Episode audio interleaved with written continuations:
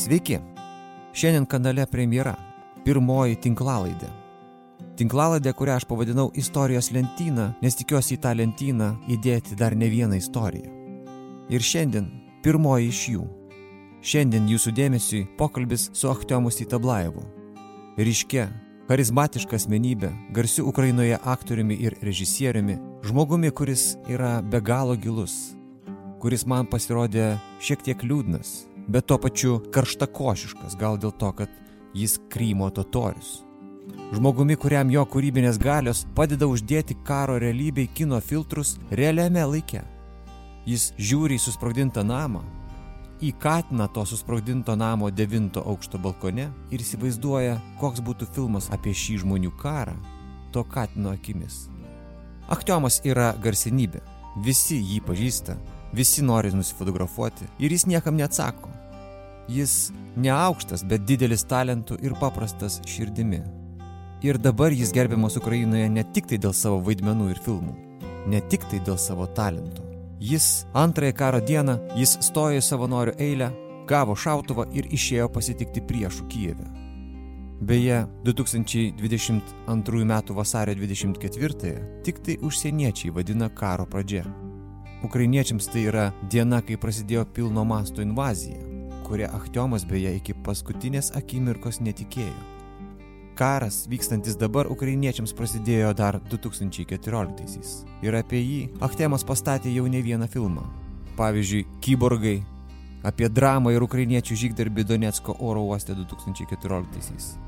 Naujausias jo režisuotas filmas Mirnai 21 pasirodęs šiais metais irgi apie 2014-aisius tik tai apie tai, kas vyko Luhansko pasienyje.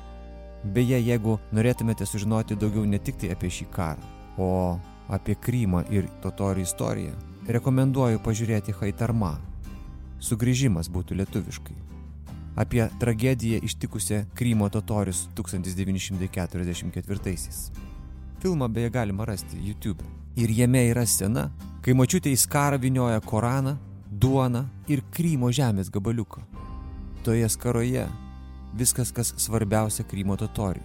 Bet jeigu Dievo ir duonos priešas atimti negali, tai žemė Krymo priešo rankose. Nuo 2014, nuo kurių ir prasideda pokalbis.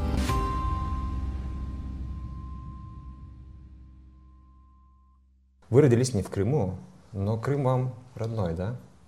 Да. Когда вы были последний раз в Крыму?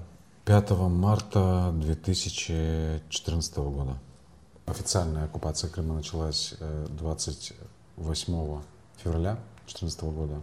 Но я еще несколько дней был в Крыму, еще даже ходили поезда между Симферополем и Киевом. А вы э, помните детали этого последнего раза? Как это все было в эти дни? Ну, если говорить про оккупацию, сам про 28 февраля, я проснулся утром, я приехал 27 февраля в Крым из Симферополя. Ну и вроде как там поделиться хорошими новостями, да, что вот Янукович убежал, ну как будто без меня в Крыму про это не знали. Конечно, знали. А, ну, у меня дети там, родители там, приехать навестить, вот, ну и посмотреть, как в Крыму обстановка. Вот 27 вечером я приехал, если я не ошибаюсь, как раз 27 в обед был большой-большой митинг возле здания Верховной Рады Крыма, когда где-то 15 тысяч крымских татар вышли в поддержку Украины. А с другой стороны были э, любители русского мира. Ну и все шло к тому, что крымские татары могут захватить власть в Крыму. И лидеры пророссийски настроенных граждан обратились к лидерам Межлиса. Ну, мол, давайте по-мирному разойдемся, давайте не будем это, э, мы не хотим тоже э, никакой войны, Крым это Украина. И тот самый Аксенов, угу. который глава правительства, да. так называемого оккупационного. Ну, есть много записей в, в интернете, где он на камеру рассказывает, что Крым это Украина и так далее, и так далее. Ну, в общем, как всегда, это оказалось вранье. Как всегда они и делают. Ну, есть э, широко известное выражение Отто фон Бисмарка, что любой договор с Россией не стоит бумаги, на которой подписан этот договор. То есть всю свою историю они врут. И 28 утром я проснулся, там что-то, по-моему, пол восьмого утра проснулся, а я снял квартиру прямо напротив здания Кабинета министров Крыма. Там это площадь Ленина, тогда там рядом был Украинский музыкальный театр, то есть это самый-самый центр города. И окна прям выходили на кабинет министров. Утром проснулся, ну и решил в магазин сходить, взять что-то на завтрак. Вышел на улицу. Буквально через несколько минут понял, что как-то какая-то странная обстановка. Потом, так как гляделся вокруг себя и понимаю, что я в центре города стою один. Вообще никого нет. Ни одной машины, ни одного человека. Такое странное очень ощущение.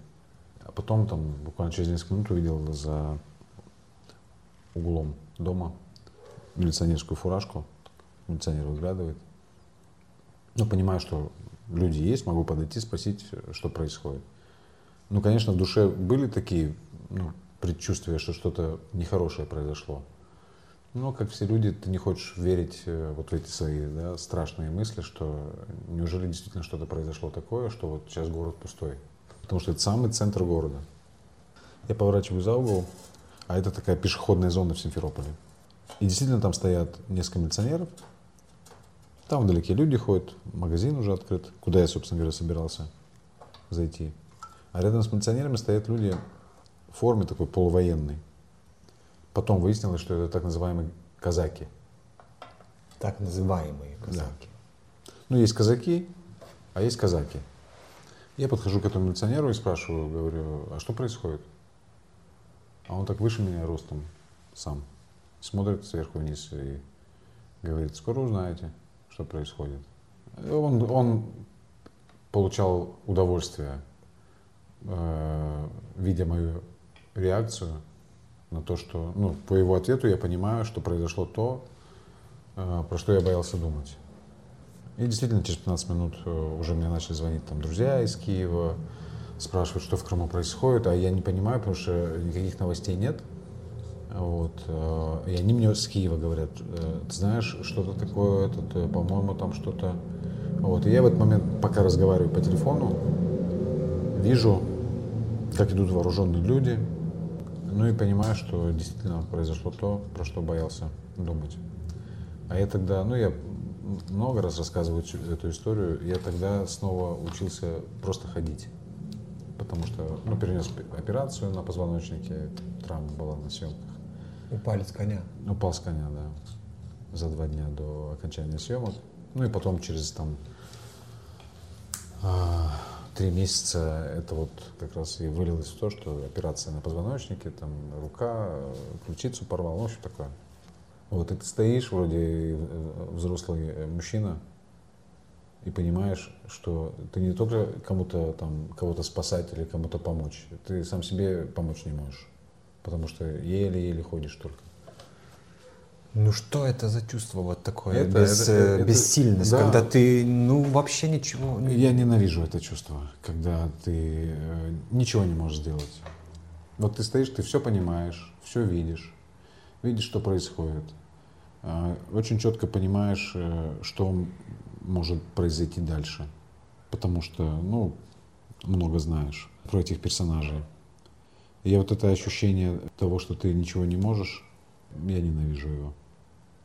Вот, потом начал звонить детям, узнавать, где они, э, что да как, родителям. Ну и тогда принял решение, что э, возьму младшего сына. Э, и, ну, я так или иначе, мне нужно было возвращаться в Киев. Дочка осталась, я забрал младшего сына. И мы как раз 5, 5 по-моему, если не ошибаюсь, марта Сели в поезд, они еще тогда ходили из Симферополя в Киев. А я специально выкупил все купе. Не хотелось, чтобы кто-то еще с нами ехал. И смотрел странными лицами такими. А, ну и вообще э, хотелось иметь возможность э, ну как-то посидеть вообще, подумать, э, что дальше. Что дальше делать. Вот, и мы сели, только зашли, я помню, сели в вагон, и вдруг слышу шум, что-то по перрону люди бегают, а поезд стоит на первой, у первой платформы. Ну и ты, собственно говоря, весь вокзал видишь.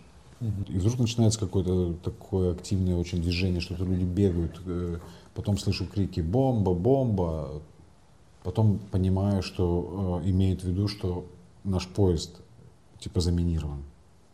И мы уже должны были отъехать, поезд, естественно, не отъезжает. Мы еще простояли, по-моему, там минут 40 на вокзале. Ну, видимо, проверяли. Проверяли. Да. Угу.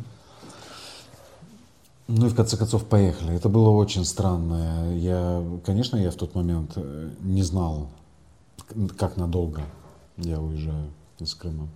Если говорить о каких-то вот таких вот подробностях, то, наверное, вот, вот это вот ощущение беспомощности и, э, да чего ж там сказать, и страха за детей, потому что, ну, сын совсем маленький был, там что-то было, по-моему, лет пять ему в тот момент.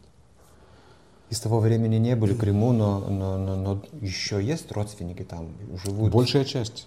Большая часть ну, э, нашего рода живет И сын тоже. И Один. сын тоже в Крыму, да.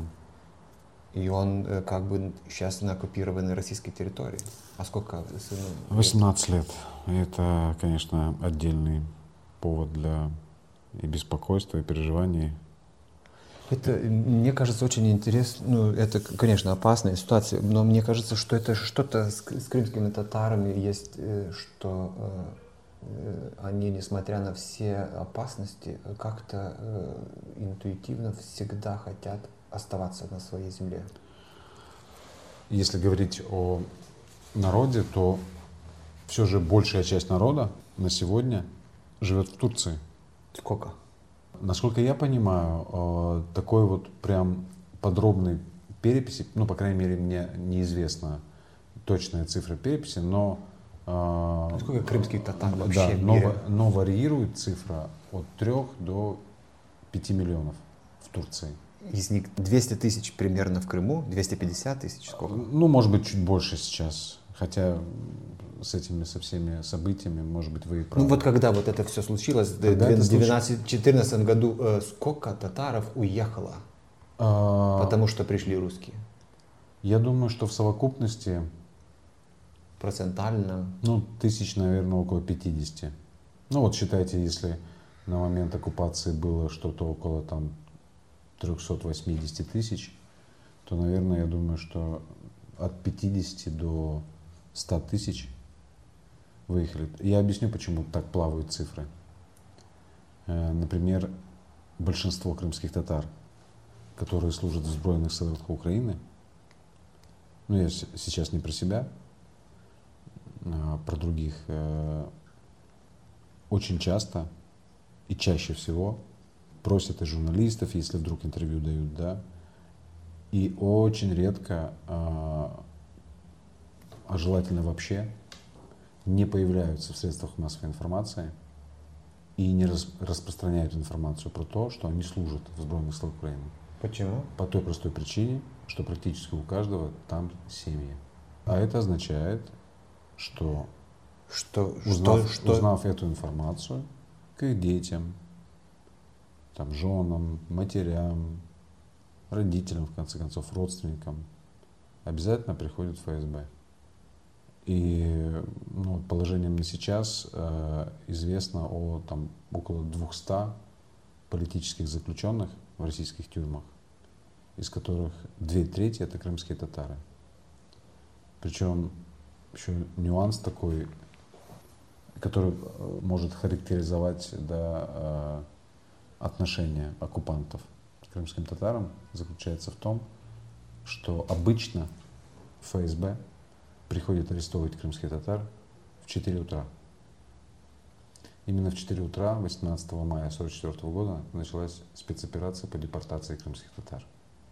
То есть они даже на таком уровне пытаются запугать э, людей, ну, как бы таким образом, да, э, не скрываясь, э, намекая на то, что вот как тогда вас депортировали, так и сейчас. Потом, с началом вот этой широкомасштабной да, фазы войны, в 22 году, да. Да, э, оккупационная власть поступает э, следующим образом. Во время мобилизации в российскую армию они в первую очередь вручают повестки и забирают в армию представителей крымско-татарского народа.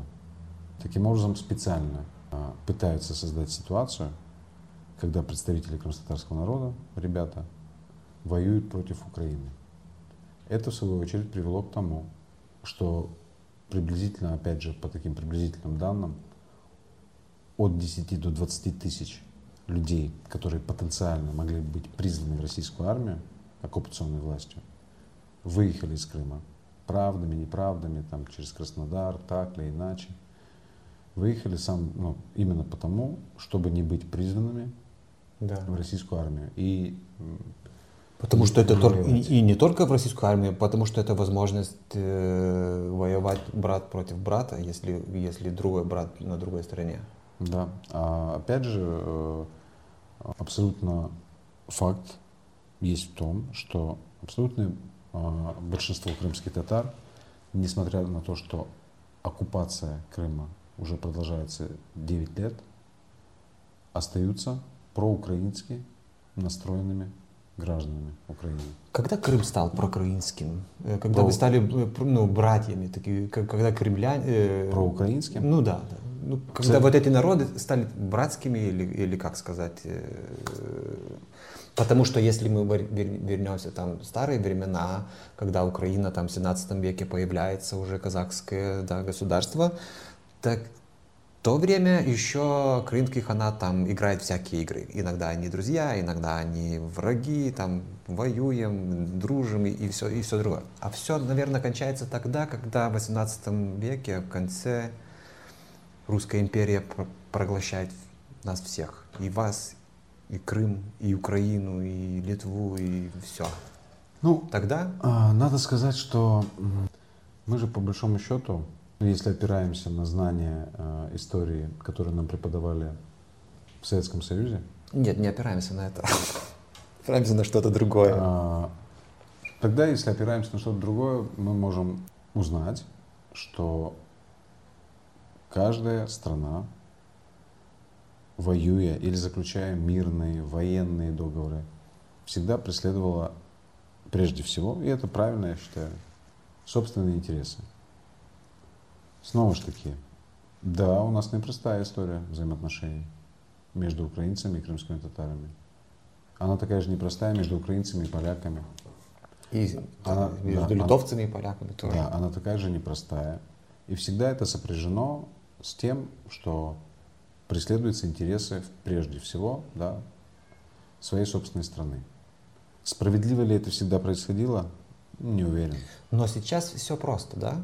Сейчас или нет? Ну, или не так все? Е- если, если в смысле э, обозначения общего врага, то ну, мне в этом случае на, намного легче, потому что я живу здесь, да, на территории материковой Украины. Я вам приведу пример моего отца. Мой отец всю свою сознательную жизнь был таким, ну, как в Советском Союзе говорят, зая, э, махровым антисоветчиком. Махровым? А да. что это значит? А, ну, это значит такой, знаете, прям вот э, прям очень сильно да. не, не любящий прям вот э, Советский Союз. Он сидел даже полгода в одиночной камере за э, свою политическую деятельность, а он был, и он, и мама, ну, понятное дело, он как мужчина с большей активностью принимал участие в национально-освободительном национальном движении по возвращению на свою историческую родину. И, например, Мустафа Гаджимилева я знаю ну, столько же, сколько своего отца. Потому что мы с одного города, они с отцом дружили, и вместе. Отец мой постарше чуть, чем Мустафа. Но, тем не менее, делали одно дело. Я помню этих людей в, в костюмах э, возле нашего дома постоянно, которые ходили, бродили. Я почему их помню? Потому что ну, в Средней Азии, в Узбекистане жарко. Ты летом в трусиках бегаешь, а там какие-то люди ходят в пиджаках, в костюмах. Потом уже когда ага. ну, спрашиваешь, э, понимаешь, что это из КГБ. Постоянно следили, что происходит. И потому. Пример отца. Пример отца, да. А, представляете, такой махровый антисоветчик, а, который после 2014 года, по-моему, в 16 году а, если не ошибаюсь. Они приехали вместе со своим братом. Отцу нужно было делать операцию на сердце. И мы договорились тут, в клинике, потому что я переживал, что когда он находится там, я не смогу э, помочь ему. Он приехал сюда, встретили, все. У его младшего брата, моего дяди, тоже такая же проблема с сердцем, там надо было делать шунтирование на сердце и одному, и другому. И вот они садятся в машину, я их встречаю, да, и первое, что слышу, ну что, когда украинцы перестанут убивать друг друга? От отца? Нет, от дяди. Ну, отец при этом молчит. Я съезжаю на обочину дороги, говорю, мужчины, давайте так. Вы приехали на операцию, давайте мы сделаем, поправим здоровье, а потом поговорим, поговорим по, про, политику. Вечером, конечно, они не удержались, ни один, ни второй. Снова завели разговор про политику. А вы удерживаетесь от таких разговоров? Э, нет, конечно. Угу. Я, конечно, не выдержал и так сказал все, что думаю.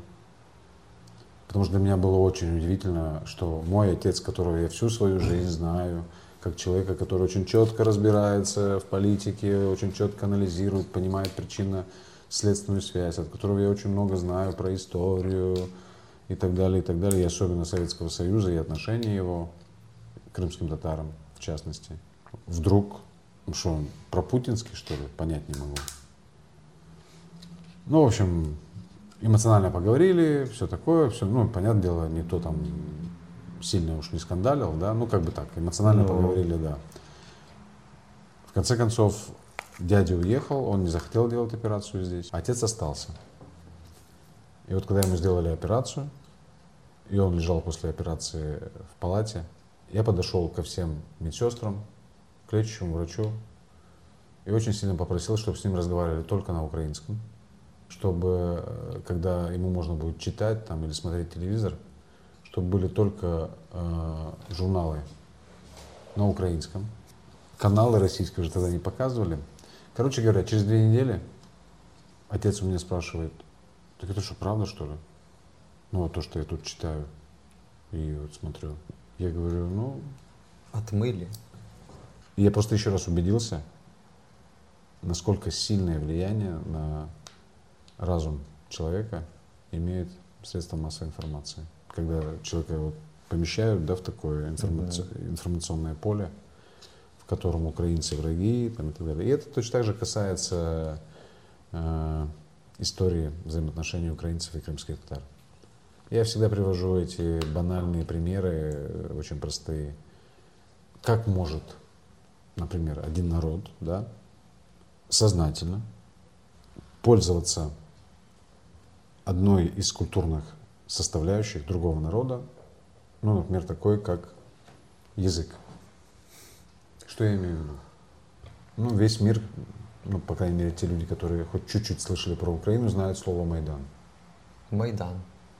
Литовцы тоже знают слово Майдан. Это, Это- площадь, где все. Да, это тюркское слово, это крымско-татарское слово. Казак, бочка, тютюн, сирник. А Майдан э, это этот э, Крымско-татарское. и означает он э, Площадь. Площадь. Да. Потом начинаешь, зачем, если мы, вра- если мы враги, если мы всегда были врагами, да, возникает вопрос, а почему вы площадь называете, а, По крымским. да, по-крымско-татарски? Да. Потом начинаешь читать других авторов, не, не советских, когда начинаешь интересоваться историей, и открываешь для себя очень много новостей, которые внутренне тебя начинают переворачивать вообще, и ты понимаешь, что, в принципе, та история, все то, что тебе вот преподавали в школе советской, что это по большей части вранье. Еще э, слов не- несколько, таких как Майдан. Вы говорили, что есть э, не только красивые такие слова, как Майдан, но есть слова, которые э, поменялись своим значением. Да.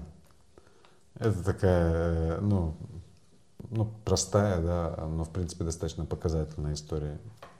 Я когда студентам говорю э, своим ну, или где-то говорю о том, что вы можете в это верить, можете не верить, но факт остается фактом. Это не человек создают контент. А контент, я имею на увазі культурне середовище, да? книги, газеты, журналы, не знаю, радиопередачи, Фильмы. Ми... Да, да, да, да, да, абсолютно верно. В Америке это довели, ну, смысле, доказали еще в 50-х годах 20-го столетия. И привожу такой пример. Ну вот, я, там, прошу сыграть со мной в игру, да, ассоциация, слова ассоциации. Я называю слово, а вы должны э, сразу, не думая, сказать, какая картинка у вас возникает. Ну, скажите. Сарай. Дорожение, это, ну, это по-литовски дорожение, это ну, такое прос- про- простое здание, Для чего? деревня. Оно, для чего оно предназначено? Ну, Ну, скотину, скотину, сено, там, не знаю, ну что-то, что-то там, какие-то. Ну вот. э, И я вам скажу, 9 из 10 людей отвечают приблизительно так же. Но э, на языке моей мамы слово «сарай» означает «дворец». Мои студенты обычно в смысле дворец? Я говорю, ну, если кто-то из вас был в Бахчисарае, ну, кто-то был, там, кто-то слышал. Так Бахчисарай, что значит? Дворец в саду. Бахчи – это сад, сарай – это дворец. Это столица крымских ханов. Это столица Крыма. Странно было бы предполагать, да, что государство, которое прос- просуществовало почти 4 столетия, назвало бы свою столицу, ну, типа, Сарай. Это ну, типа, э, этот сарай, Этот который... сарай, да. да. потом, в украинском языке нет слова «сарай». Оно, есть слово «хлиф», ну, яке- которое используют, чтобы вот обозначить вот это вот строение, в котором или скотина, да, там, или там какой-то инструмент, ну, обычно скотина. В русском языке тоже нет слова «сарай». Это чужское слово. И перевод у него только один – дворец. Šioje vietoje baigėsi pirmoji tinklalaidės dalis. Antrąją galės girdėti tik tai kanalo prenumeratoriai, be kurių tiek ši tinklalaidė, tiek daugelis kitų dalykų, kurie vyksta kanale, būtų tiesiog neįmanomi. Ačiū visiems, kurie supranta ir remia.